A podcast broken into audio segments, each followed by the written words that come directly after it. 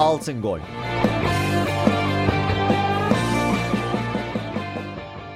Trakya Üniversitesi Radyosu Radyo Güne Bakın hepiniz hoş geldiniz. Ben Ömer Balcı. Bugün İbrahim Ağız'la birlikte Altın Gol programında sizlerleyiz. Hoş geldin İbrahim. Hoş bulduk Ömer Bey. Nasılsın? İyiyim. Sizleri sorumlusu siz nasılsınız? Ben de iyiyim. Çok sağ ol, çok teşekkür ederim.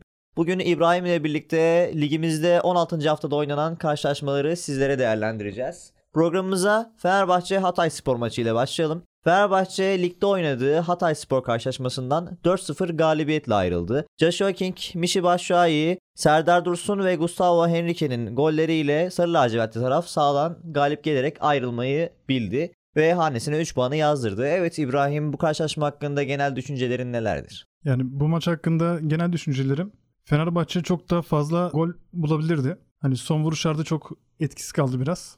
İstatistiklere de baktığımız zaman Fenerbahçe'nin özellikle şut anlamında, e, gol beklentisi ve rakip cezasında topla buluşma anlamında rakibine yüksek düzeyde bir baskı kurduğunu ve ağır üstün taraf olduğunu görüyoruz. Ya bu istatistikleri neye bağlıyorsun? Hatay Spor'da e, yanlış yapılan taraflar, hani eksikler nelerdi sence? Ya Hatay Spor e, bu maçları çok çekingen başladı. Yani açıkçası yani dakika 20'ye kadar biraz iyiydi Hatay Spor ama dakika 20'den sonra gol yedikten sonra Hatay Spor oyundan biraz düştü. Yani gol geldikten sonra Fenerbahçe e, daha çok baskılı oynamaya başladı. Arka arkaya zaten ataklar buldu, goller buldu. Yani Hatay Spor biraz daha oyundan düştü. Yani 2-0 olduktan sonra oyundan düştü Hatay Spor. Hatay Spor sence savunma anlamında mı çok zafiyet veriyordu? Savunma anlamını bir kenara bırakırsak ofansif manada da eksiklikleri göz önüne çarpıyor muydu sence? Yani hem savunma anlamında hem hücum anlamında eksikliği vardı. Aslında bakarsak Hatay Spor'un kadrosunda hani Ayup Elkabi, Ruben Ribeiro, Lobyanitse, Zeliuis gibi tehlikeli isimler olmasına karşın bu karşılaşmada hücumsal anlamda da birçok eksiklikler e, göze çarptı. Bu isimlerin takımsal olarak değil de en azından bireysel olarak bir şeyler yapmasını beklemiyor muyduk peki? Yani açıkçası Hatay Spor'dan ben bir sürpriz bekliyordum bu hafta ama hayal kırıklığına uğrattılar.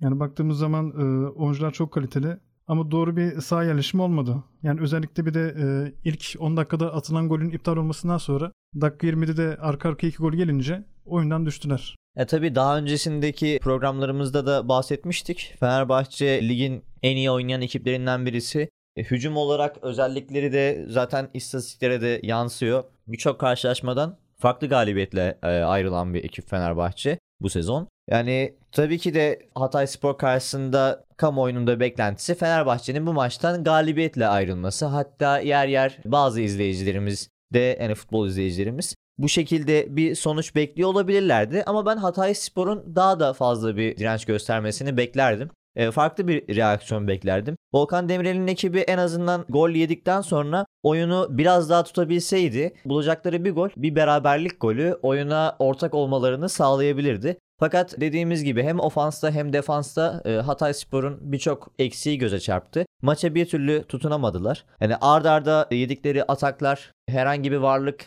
gösterememeleri de bunun çok büyük etkeni oldu diyebiliriz. Kesinlikle. Oyuncu tercihleri adına ne diyorsun peki? Fenerbahçe'nin 11'ini değerlendirecek olursak neler söylersin isim isim gittiğimizde? Yani bu maçla alakalı yani Fenerbahçe bu kadar e, çok rahat bir oyun sergilerken Arda Güler'in oyuna girmesini bekliyordum ben.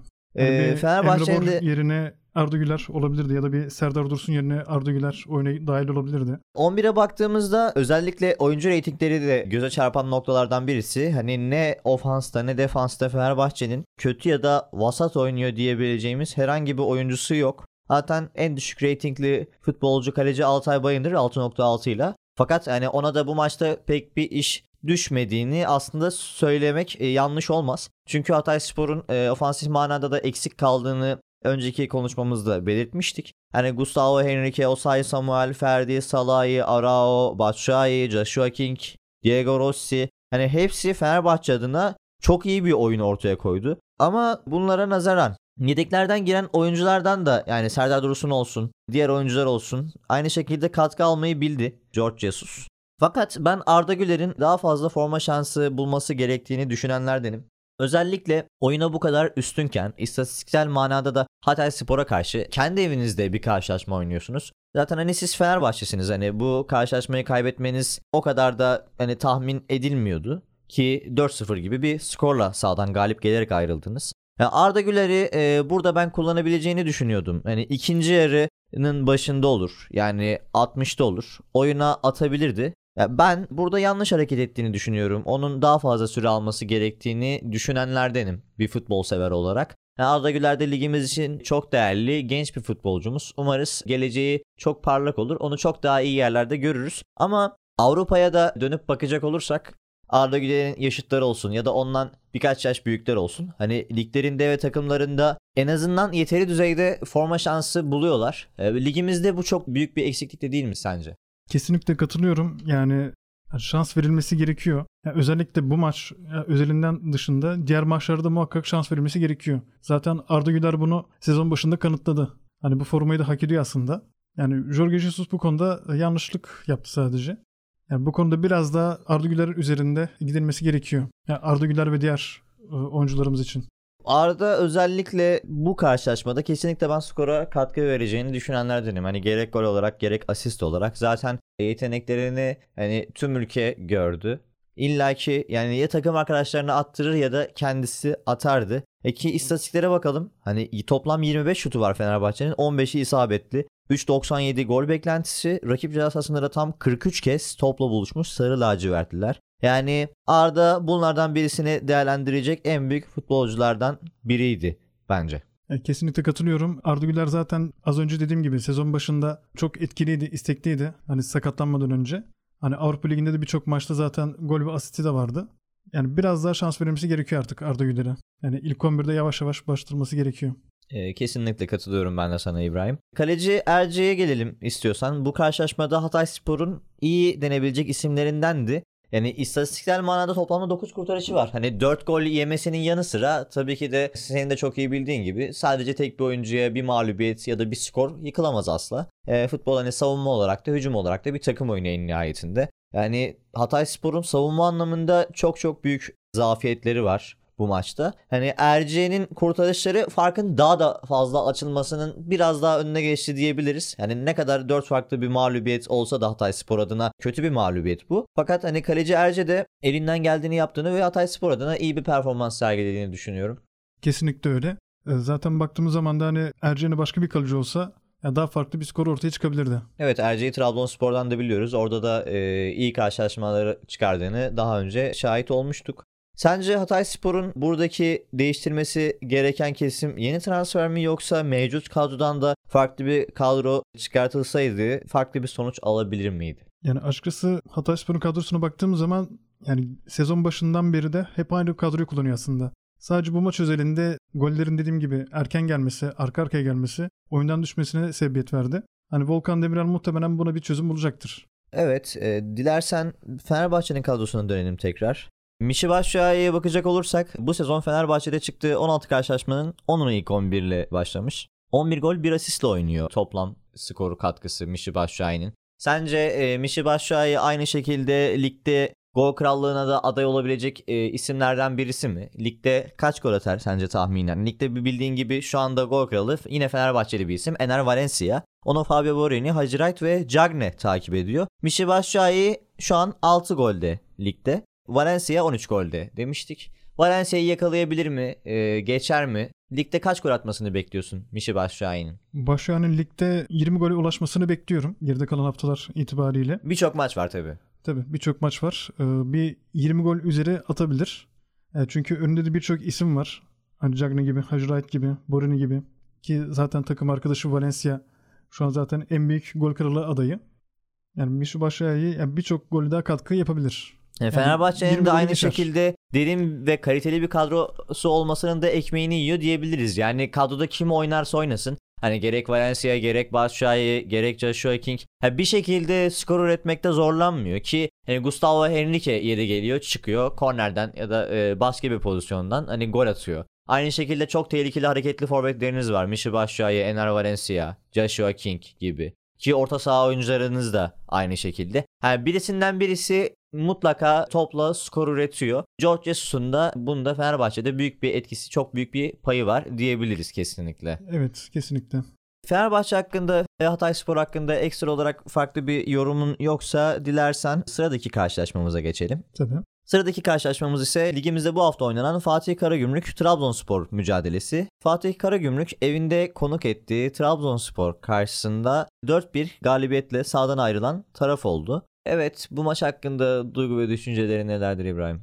E, bu maç hakkında düşüncelerim Karagümrükspor aslında bu sezonki yani birçok maçta iyi oynamıştı ama bunu sonuca yansıtamamıştı. Ya bu maçta beraber e, iyi oynadığı futbolu sonuca yansıtabildi.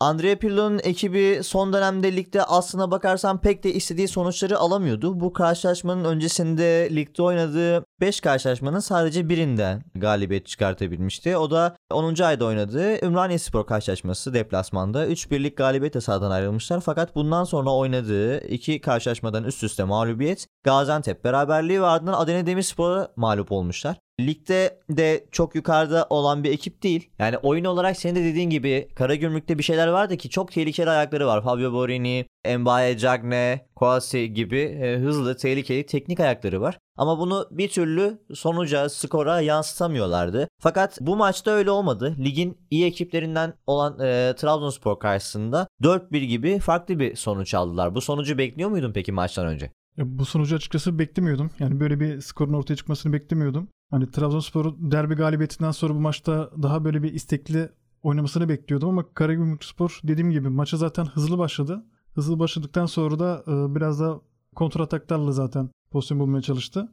Trabzonspor her ne kadar beraberliği yakalasa da ilk yarının sonunda 10 kişi kalmasından sonra Karagümrükspor biraz daha etkili oynadı. Derbi galibiyetinden bahsettin. Trabzonspor ligin tabi o sırada yani geçen hafta Fenerbahçe'yi mağlup ettiği hafta ligin lideriyle oynadı ve hani ligin iyi ekiplerinden birisi. Hatta göze en hoş gelen futbolu oynuyor diyebiliriz Fenerbahçe için. Çok da gollü karşılaşmalar çıkartıyor Sarı Lacivertli ekip. Yani bunlara karşın kendi sahanızda oynamışsınız ve Fenerbahçe gibi bir takıma neredeyse kalenizde çok büyük bir tehdit oluşturmadan maçı tamamlamışsınız ki Fenerbahçe'nin isabetli şutu yoktu Trabzonspor maçında ve bu karşılaşmadan galibiyetle ayrılıyorsunuz. İyi de bir oyun ortaya koyuyorsunuz. Aradan geçen birkaç günden sonra Fatih Karagümrük'le oynadığınız zaman tabii ki de hani yanlış anlaşılma olmasın. Fatih Karagümrük kötü bir ekip ya da çok kötü oyunculara sahip demiyoruz ki başlarında Andrea Pirlo gibi de bir isim var aynı zamanda. İyi isimlerin, iyi futbolcuların olduğunu da söyledik Fatih Karagümrük için ama görece hani ligin alt sıralarında bulunan bir ekip ve yani karşılaştırdığımız diğer ekip de Fenerbahçe. Yani Trabzonspor Fenerbahçe'ye karşı oynadığı oyunla Fatih Karagümrük maçında oynadığı oyun arasında siyahla beyaz gibi çok net bir fark var. Eğer siz Trabzonspor'sanız yani ligin zirvesini hedefleyen ben şampiyonluk yarışına gireceğim diyen bir ekipseniz böyle bir çalkantılı kısım yani maçlarda yaşamamanız lazım. Yani evet Fenerbahçe'yi yenebilirsiniz tabii ki. Bu futbol severler için, futbol izleyicileri için çok büyük bir sürpriz olmaz. Çünkü bu bir derbi karşılaşmasıdır. Hani derbilerde sonuç hangi takımın durumu ne olursa olsun hiçbir zaman belli olmaz. Yani bir takım çok kötü gitse bile derbinin atmosferi, derbinin havası her zaman çok farklıdır ki bunu sen de çok iyi biliyorsun. Ama hani 2-3 gün aradan sonra gidip Fatih Karagümrük'ten böyle bir skorla ayrılmasını birçok futbol sever beklemiyordu aslında bakarsan. Ya savunma anlamında çok zafiyet verdi Trabzonspor. Yani yedikleri goller hiç açıklanabilir gibi değil Trabzonspor adına baktığımızda. Hüseyin'le başladı sağ bekte Abdullah Avcı ve geri kalan oyuncular hep Fenerbahçe maçında zaten forma giyen oyunculardı. Hüseyin haricinde ben bir değişiklik hatırlamıyorum. Abdullah Avcı'nın Fenerbahçe karşısında koyduğu 11 ile Fatih Karagümrük arasındaki koyduğu 11 neredeyse bir oyuncu haricinde aynıydı. Aynı 11 ile çıkması sence doğru muydu? Yani aynı Taktik belki farklı olabilir, anlayış farklı olabilir ama aynı oyuncu grubu sence Karagümrük adına doğru muydu ki bundan sonuçta olamadı Abdullah Avcı?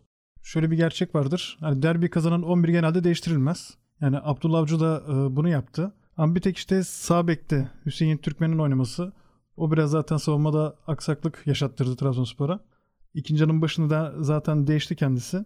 Yani Trabzonspor bu maça biraz kazanırım havasında çıktı ama işler tersine döndü. Oyuncularda bir rehavet mi gördün sence? Yani üstlerinde öyle bir rehavet mi vardı? Evet öyle bir rehavet vardı. Hani Karagümrükspor ligin en çok gol takımı, en çok mağlup olan takım. Yani biraz bir hafif alınmışlık vardı.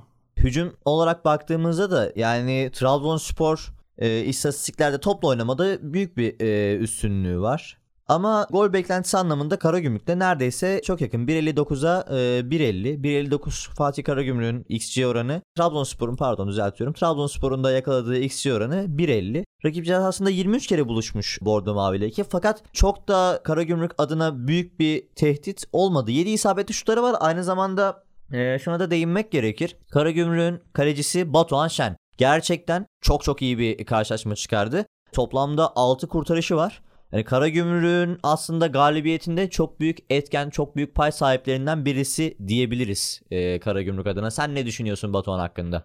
E, kesinlikle Batuhan formayı aldıktan sonra bırakmayacağın mesajını verdi. Yani milli takımımız için de çok önemli bir yere sahip olabilir. Kesinlikle. Zaten milli takım havuzumuzda e, çok değerli kalecilerimiz var. Altay, Uğurcan, Doğan gibi. E, bunların yanına Batuhan da eklenecektir. Ki Karagümrük'e bakarsak eğer hani aynı zamanda Viviano gibi tecrübeli bir kaleciye de sahipsiniz. Fakat Andrea Pirlo hani Viviano'yu bu maçta yedek oturtup genç kaleci Batuhan'ı oynatmayı tercih etti. Batuhan bu sene 4 karşılaşmada forma şansı buldu ve hani Trabzonspor gibi bir takımla karşı karşıyasınız ve çok iyi bir performans sergilemişsiniz. Takımınızın galibiyetindeki önemli etkenlerden birisiniz. Bu Batuhan adına da aynı şekilde Türk futbolu adına da çok iyi ki Karagümrük'ün de demiştik bu maçtaki galibiyetteki pay sahiplerinden birisi. Pirlo da aynı şekilde sevinçlidir diye düşünüyorum. Ee, Batuhan'ın bu şekilde bir e, performans sergilediğinden formayı bırakmayacağım performansıydı aslına bakarsanız bu.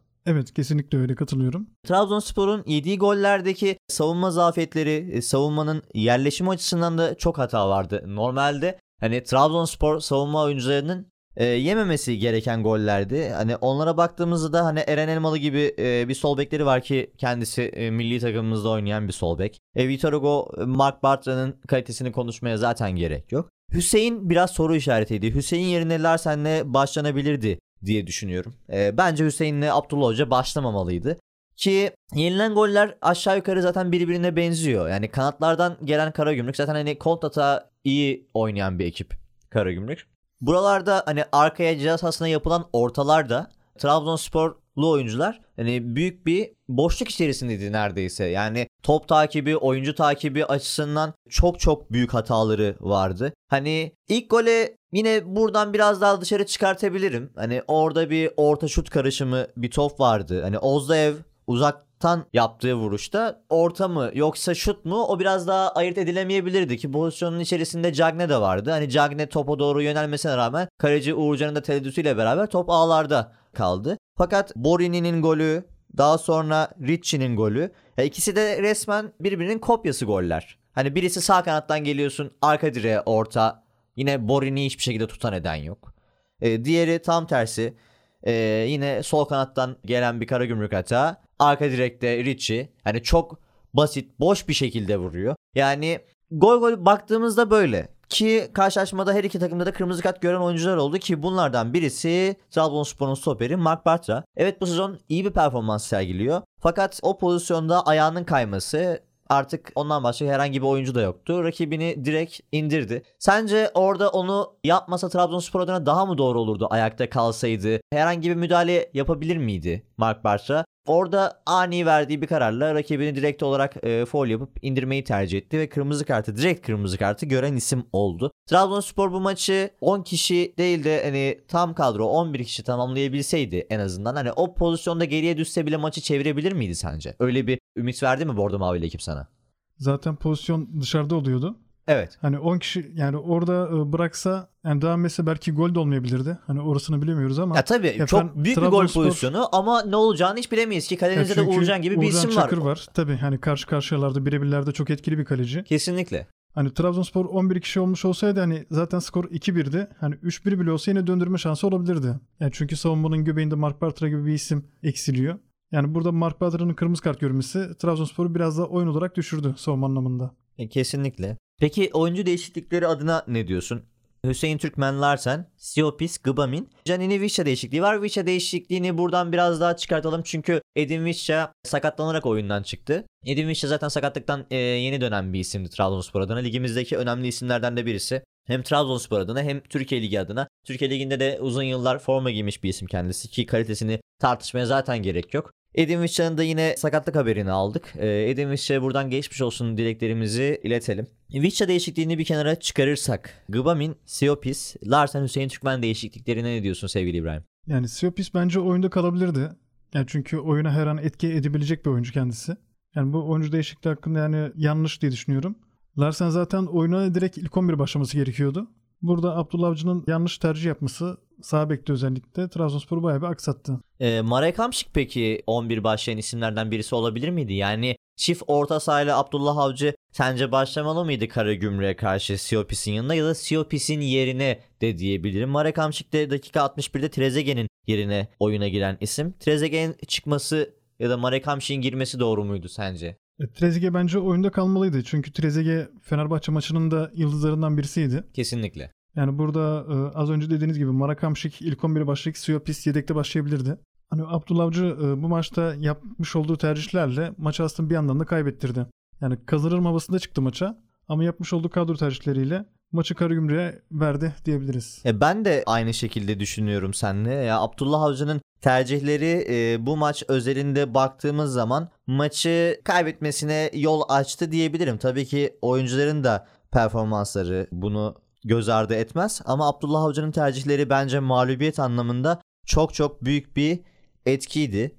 E, dilersen Abdullah Avcı'nın maç sonu açıklamalarına da değinelim. Abdullah Avcı şunlardan bahsetti açıklamalarının bir kısmında. Daha fazla hareketli olmamız lazımdı. Oyunu domine etmemiz lazımdı. 4 gün önce çok yüksek enerjide oynayan bir takım 4 gün sonra böyle. Siyah beyaz bir fark yakışmadı, şık olmadı. 4 gün önce maçı kazandıktan sonra rotasyon yapayım mı yapmayayım mı diye düşündüm. Oyuncunun verilerine baktık ve sonrasında vazgeçtik. Kazanan takımla devam etmek istedik. Belki de yapmak gerekiyordu. Bugün tablo bu.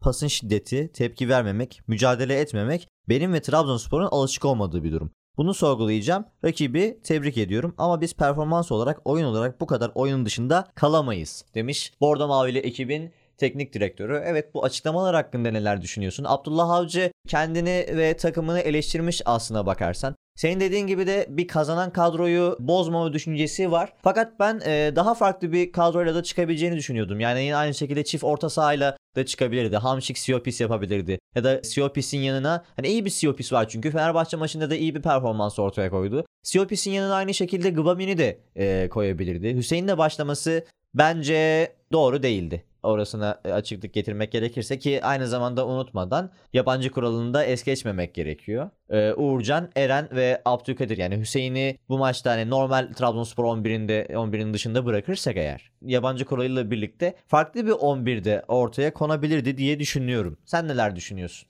Umut Bozok mesela ilk 11 başlayabilirdi bu maçta. Marakam Siopis orta saha ikilisi olabilirdi. Maximiliano Gomez'i çıkarttığımız zaman hani en azından hem yabancısına takılmayacaktı hem de Umut Bozokelli bu maç için çok ideal bir oyuncuydu.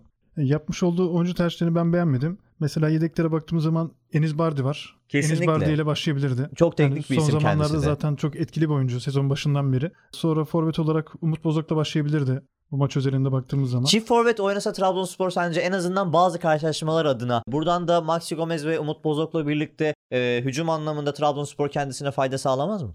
Çok büyük fayda sağlar. Ki yer yer aynı şekilde bu ikilinin iyi bir performans ortaya koyduğunu da gördük. Yani farklı tipte oyuncular. Umut Bozok Maxi Gomez'e göre biraz daha hareketli. Maxi Gomez fizik yönüyle de aynı şekilde ön plana çıkıyor ki Fenerbahçe karşılaşmasında da bu özelliğinden çok önemli bir şekilde yararlandı. Yani Maxi Gomez'in duvar olduğu, Umut Bozok'un biraz daha hareketli bir oyuncu olduğu, daha böyle forvet arkası gibi oynadığı durumlarda birçok gol pozisyonuna girebilecek bir ikili bu ikili. Aynı şekilde Trabzonspor'un istatistiksel manada da tabela yapmasına çok büyük derecede katkı verecektir. Abdullah Avcı bunu yer yer ben deneyebilir diye düşünüyorum. Yani görece tabii. Yani ligde birçok takım var. Hepsi birbirinden kaliteli takımlar ama görece biraz daha size göre kadro manasında bakarsak eğer görece daha zayıf takımlarla karşılaştığınızda çift forveti kullanabilirsiniz ki hem oyuncularınızı da dinlendirmiş olursunuz. Edin Visca yine aynı şekilde sakatlandı ki yakın zamanda dönmüştü. Onun yerine mutlaka bir sağ kanat transferi de yapacaklarını düşünüyorum Trabzonspor'un. Yedeklerden bahsettik. Trabzonspor'un yedeklerinde aynı şekilde Naci vardı. Naci yakın zamanda oynanmış olan Ziraat Türkiye Kupası mücadelesinde de iyi bir performans ortaya konmuştu.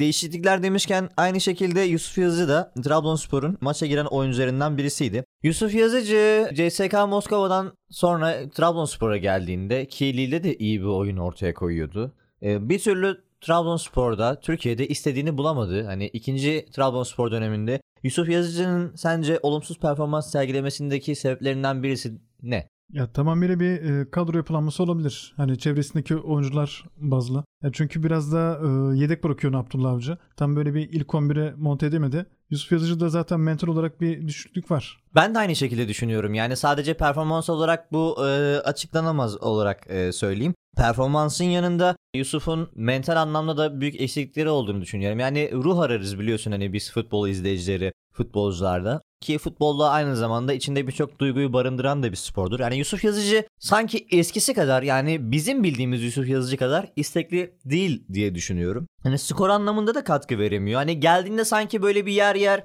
parıltıları oldu Yusuf Yazıcı'nın. Ama bunu devam ettiremedi ki forma şansı da bulamadı. Ama Yusuf Yazıcı'ya da baktığımızda 10 numara pozisyonunda oynayan bir isim kendisi. 10 numarada da Trabzonspor'un Anastasios Bakasetas gibi çok büyük, çok önemli bir oyuncusu var. Ki Bakasetas'ın bu sezon yaptığı skor katkısı takdire şayan. Ve oynadığı 23 maçta 9 gol 8 asist gibi bir performansa imza atmış e, Yunan oyuncu. Geçen sene yani şampiyon oldukları sezon 43 maçta 9 gol 5 asist. Yani şimdiden toplam gol ve asist sayısını geçmiş. Bu sezon aynı şekilde Bakasetas'ın bu sayıları daha da yukarıya taşıyacağını bekliyor musun? Tabii kesinlikle bekliyorum. Çünkü Bakasetas her an her şeyi yapabilecek bir oyuncu. Yani genel olarak düşündüğümüz zaman yani çevresindeki oyuncular da buna müsait. Bir de ligin devre arasında gelecek olan transferlerle beraber Bakasetas kendini biraz daha rahat hissedecek. Yani daha fazla pozisyona girecek. Yani az önce dediğin gibi ya tahminimce rakamları daha çok üst seviyeye çıkartacak. Ben de öyle düşünüyorum. Ee, seninle aynı fikirdeyim İbrahim. Transferler dedik. Peki Trabzonspor'u konuşuyorken sence e, Trabzonspor hangi bölgelere transfer yapmalı? Trabzonspor'un eksiklikleri neler? Gelecek gidecek oyuncuların yanında aynı şekilde Abdullah Avcı'nın da mutlaka performansını beğenmediği isimler vardır. E, Janini ile sözleşme yenilenmişti. Fakat e, aynı şekilde Janini'den de bu sezon pek verim alamadı bu arada Mavililer. Ben gidecek oyuncular arasında görüyorum kendisini ki ona da teklifler olduğu söyleniyor. E, Trabzonspor'da e, hangi oyuncular gitmeli sence ya da Trabzonspor hangi bölgede transfer yapmalı? Forvet'e muhakkak bir takviye yapması lazım. Çünkü Janni dediğiniz gibi e, çok istenilen bir seviyeye ulaşamadı kendisi. Kesinlikle. Sonra sağ bek olarak bir transfer yapılabilir.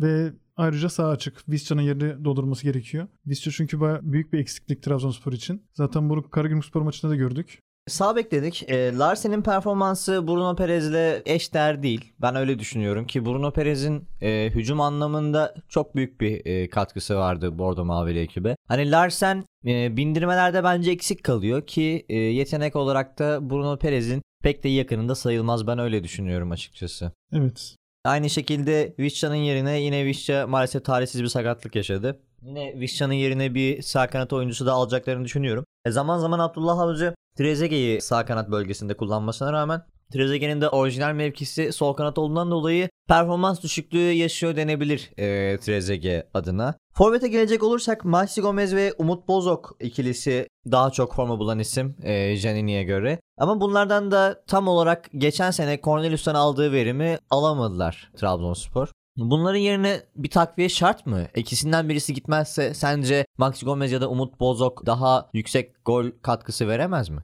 Trabzonspor'un forvete muhakkak bir takviye daha yapması lazım. Çünkü ligin ikinci yarısında e, maçlar arka arkaya oynanacak. Artı bir de Türkiye Kupası ve Avrupa Ligi maçları da devam ediyor hala Trabzonspor'un. Yani şimdi bir e, sakatlık falan önlemene karşı bir forvet daha gerekli. Hatta bir de e, forvet arkası da muhakkak şart Trabzonspor için. Tabii hani Bakasetas'ı Abdullah Avcı yer yer 8 numara gibi de kullanıyor. Ama e, şutör özelliklerinden mahrum da kaldığını düşünüyorum. Forvet arkası olabilir ki belki sürpriz bir satış da olabilir Trabzonspor adına. Hani Maxi Gomez'e olur da bir teklif gelir ya da farklı bir futbolcularına.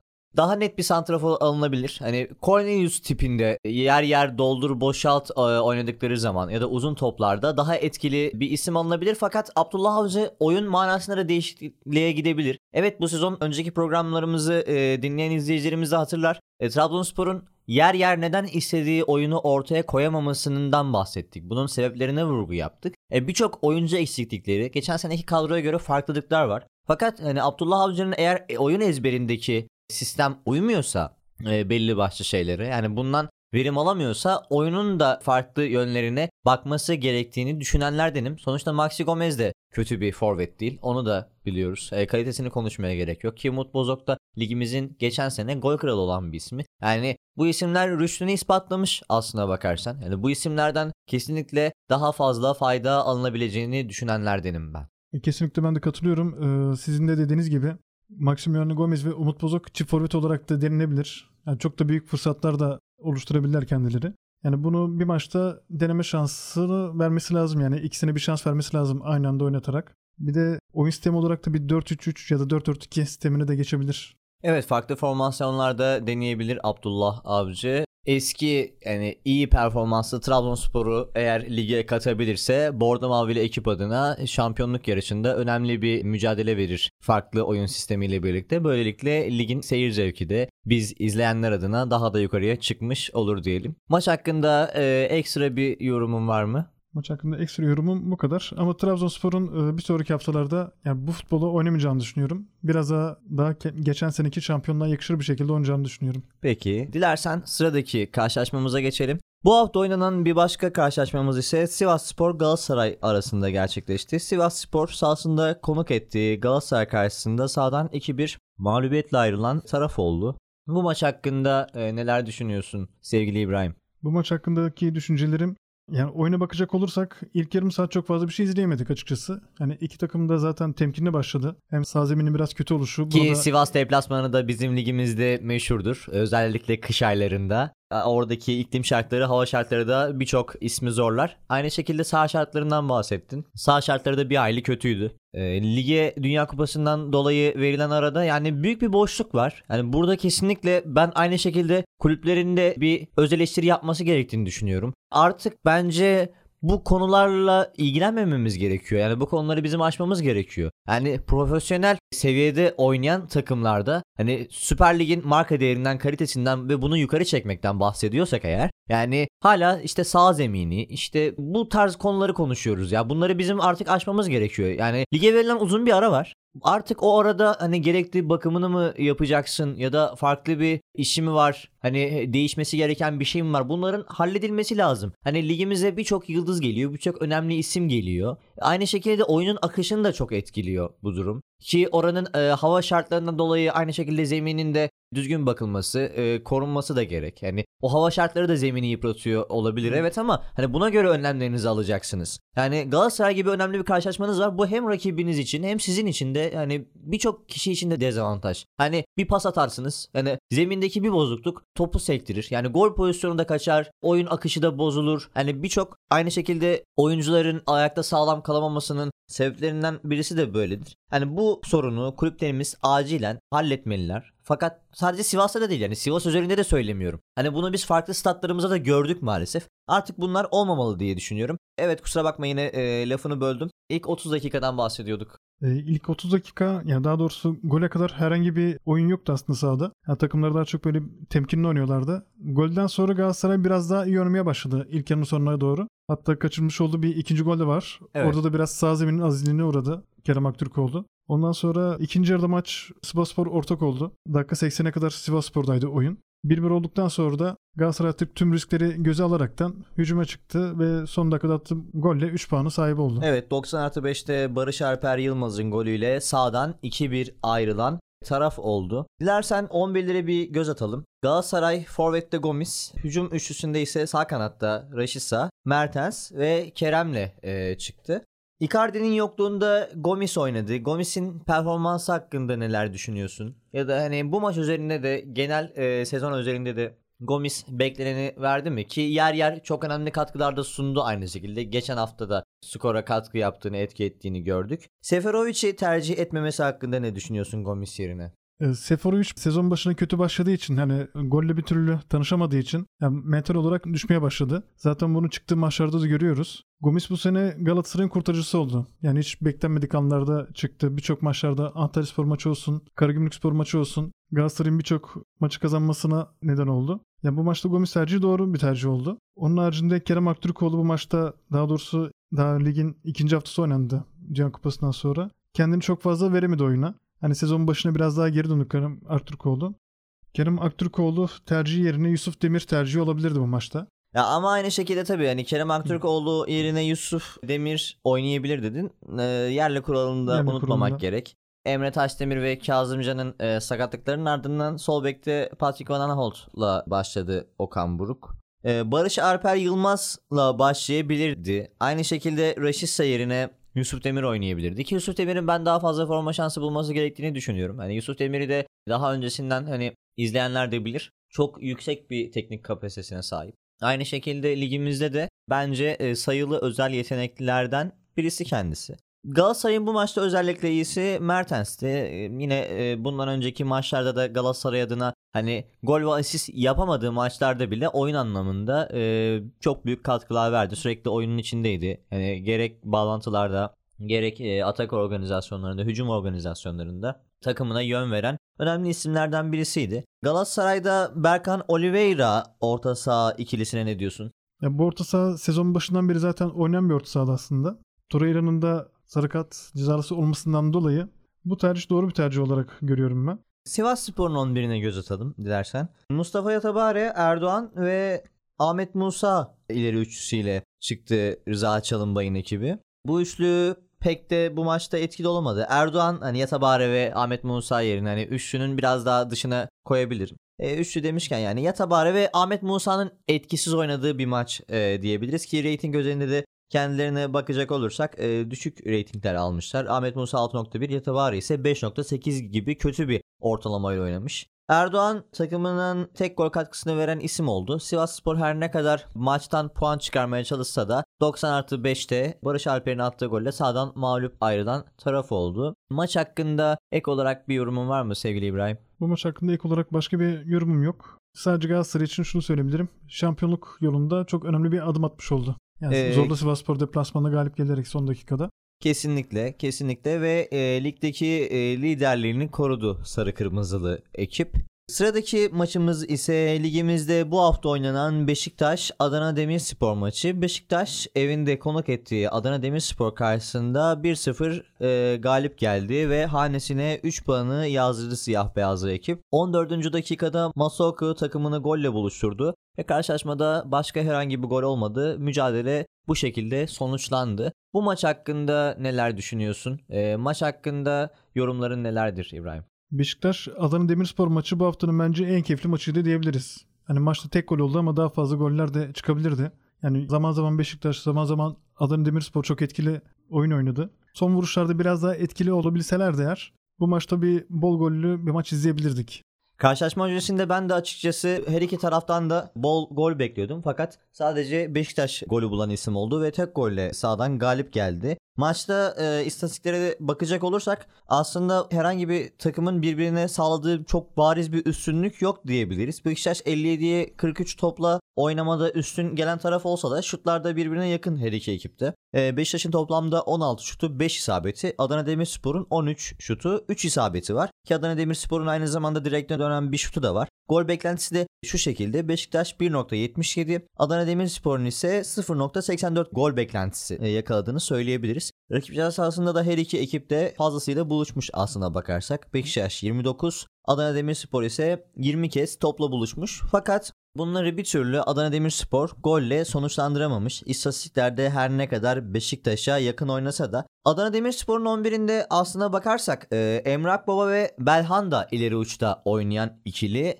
net bir santrafor yok. Her ikisi de net bir santrafor değil. İkisi de forvet arkasında oynayan ve bildiğimiz oyuncular her ikisi de. Gulbrandsen ileri uçta başlayacak isimlerden birisi olmaz mıydı sence? Gulbrandsen yerine ben Ason Bolanga ile başlamasını tercih ederdim. Ya da aynı şekilde Ason Bolonga santrafor bölgesinde de e, görev yapabilecek Hani oyunculardan. Emre Akbaba yerine Ason Bolanga tercihi biraz daha doğru olabilirdi. Yani Adana Demirspor için de yani goller bulmasında yardımcı olabilirdi bu maçta. Adana Demirspor'un 11'ine bakacak olursak ileri ikili de Emre Akbaba, Yunus Belhanda. Kanatlarda Onyekuru Gulbrandsen, orta sahada Stambuli Ndiaye ikilisi var. Peki bu 11 sence e, Beşiktaş karşılaşması adına doğru bir 11 miydi? Hani ileri uca baktığımızda bu şekilde ki defansa da dönecek olursak Svensson, Samet, Semih, Rodriguez ve kalede de Ertaç var. Sence Montella e, farklı oyuncuları da 11'e başlatabilir miydi Beşiktaş mücadelesi için? Tabii e, az önce belirttiğim gibi Asan Bolonga ve Akintola ile başlayabilirdi ilk 11'de.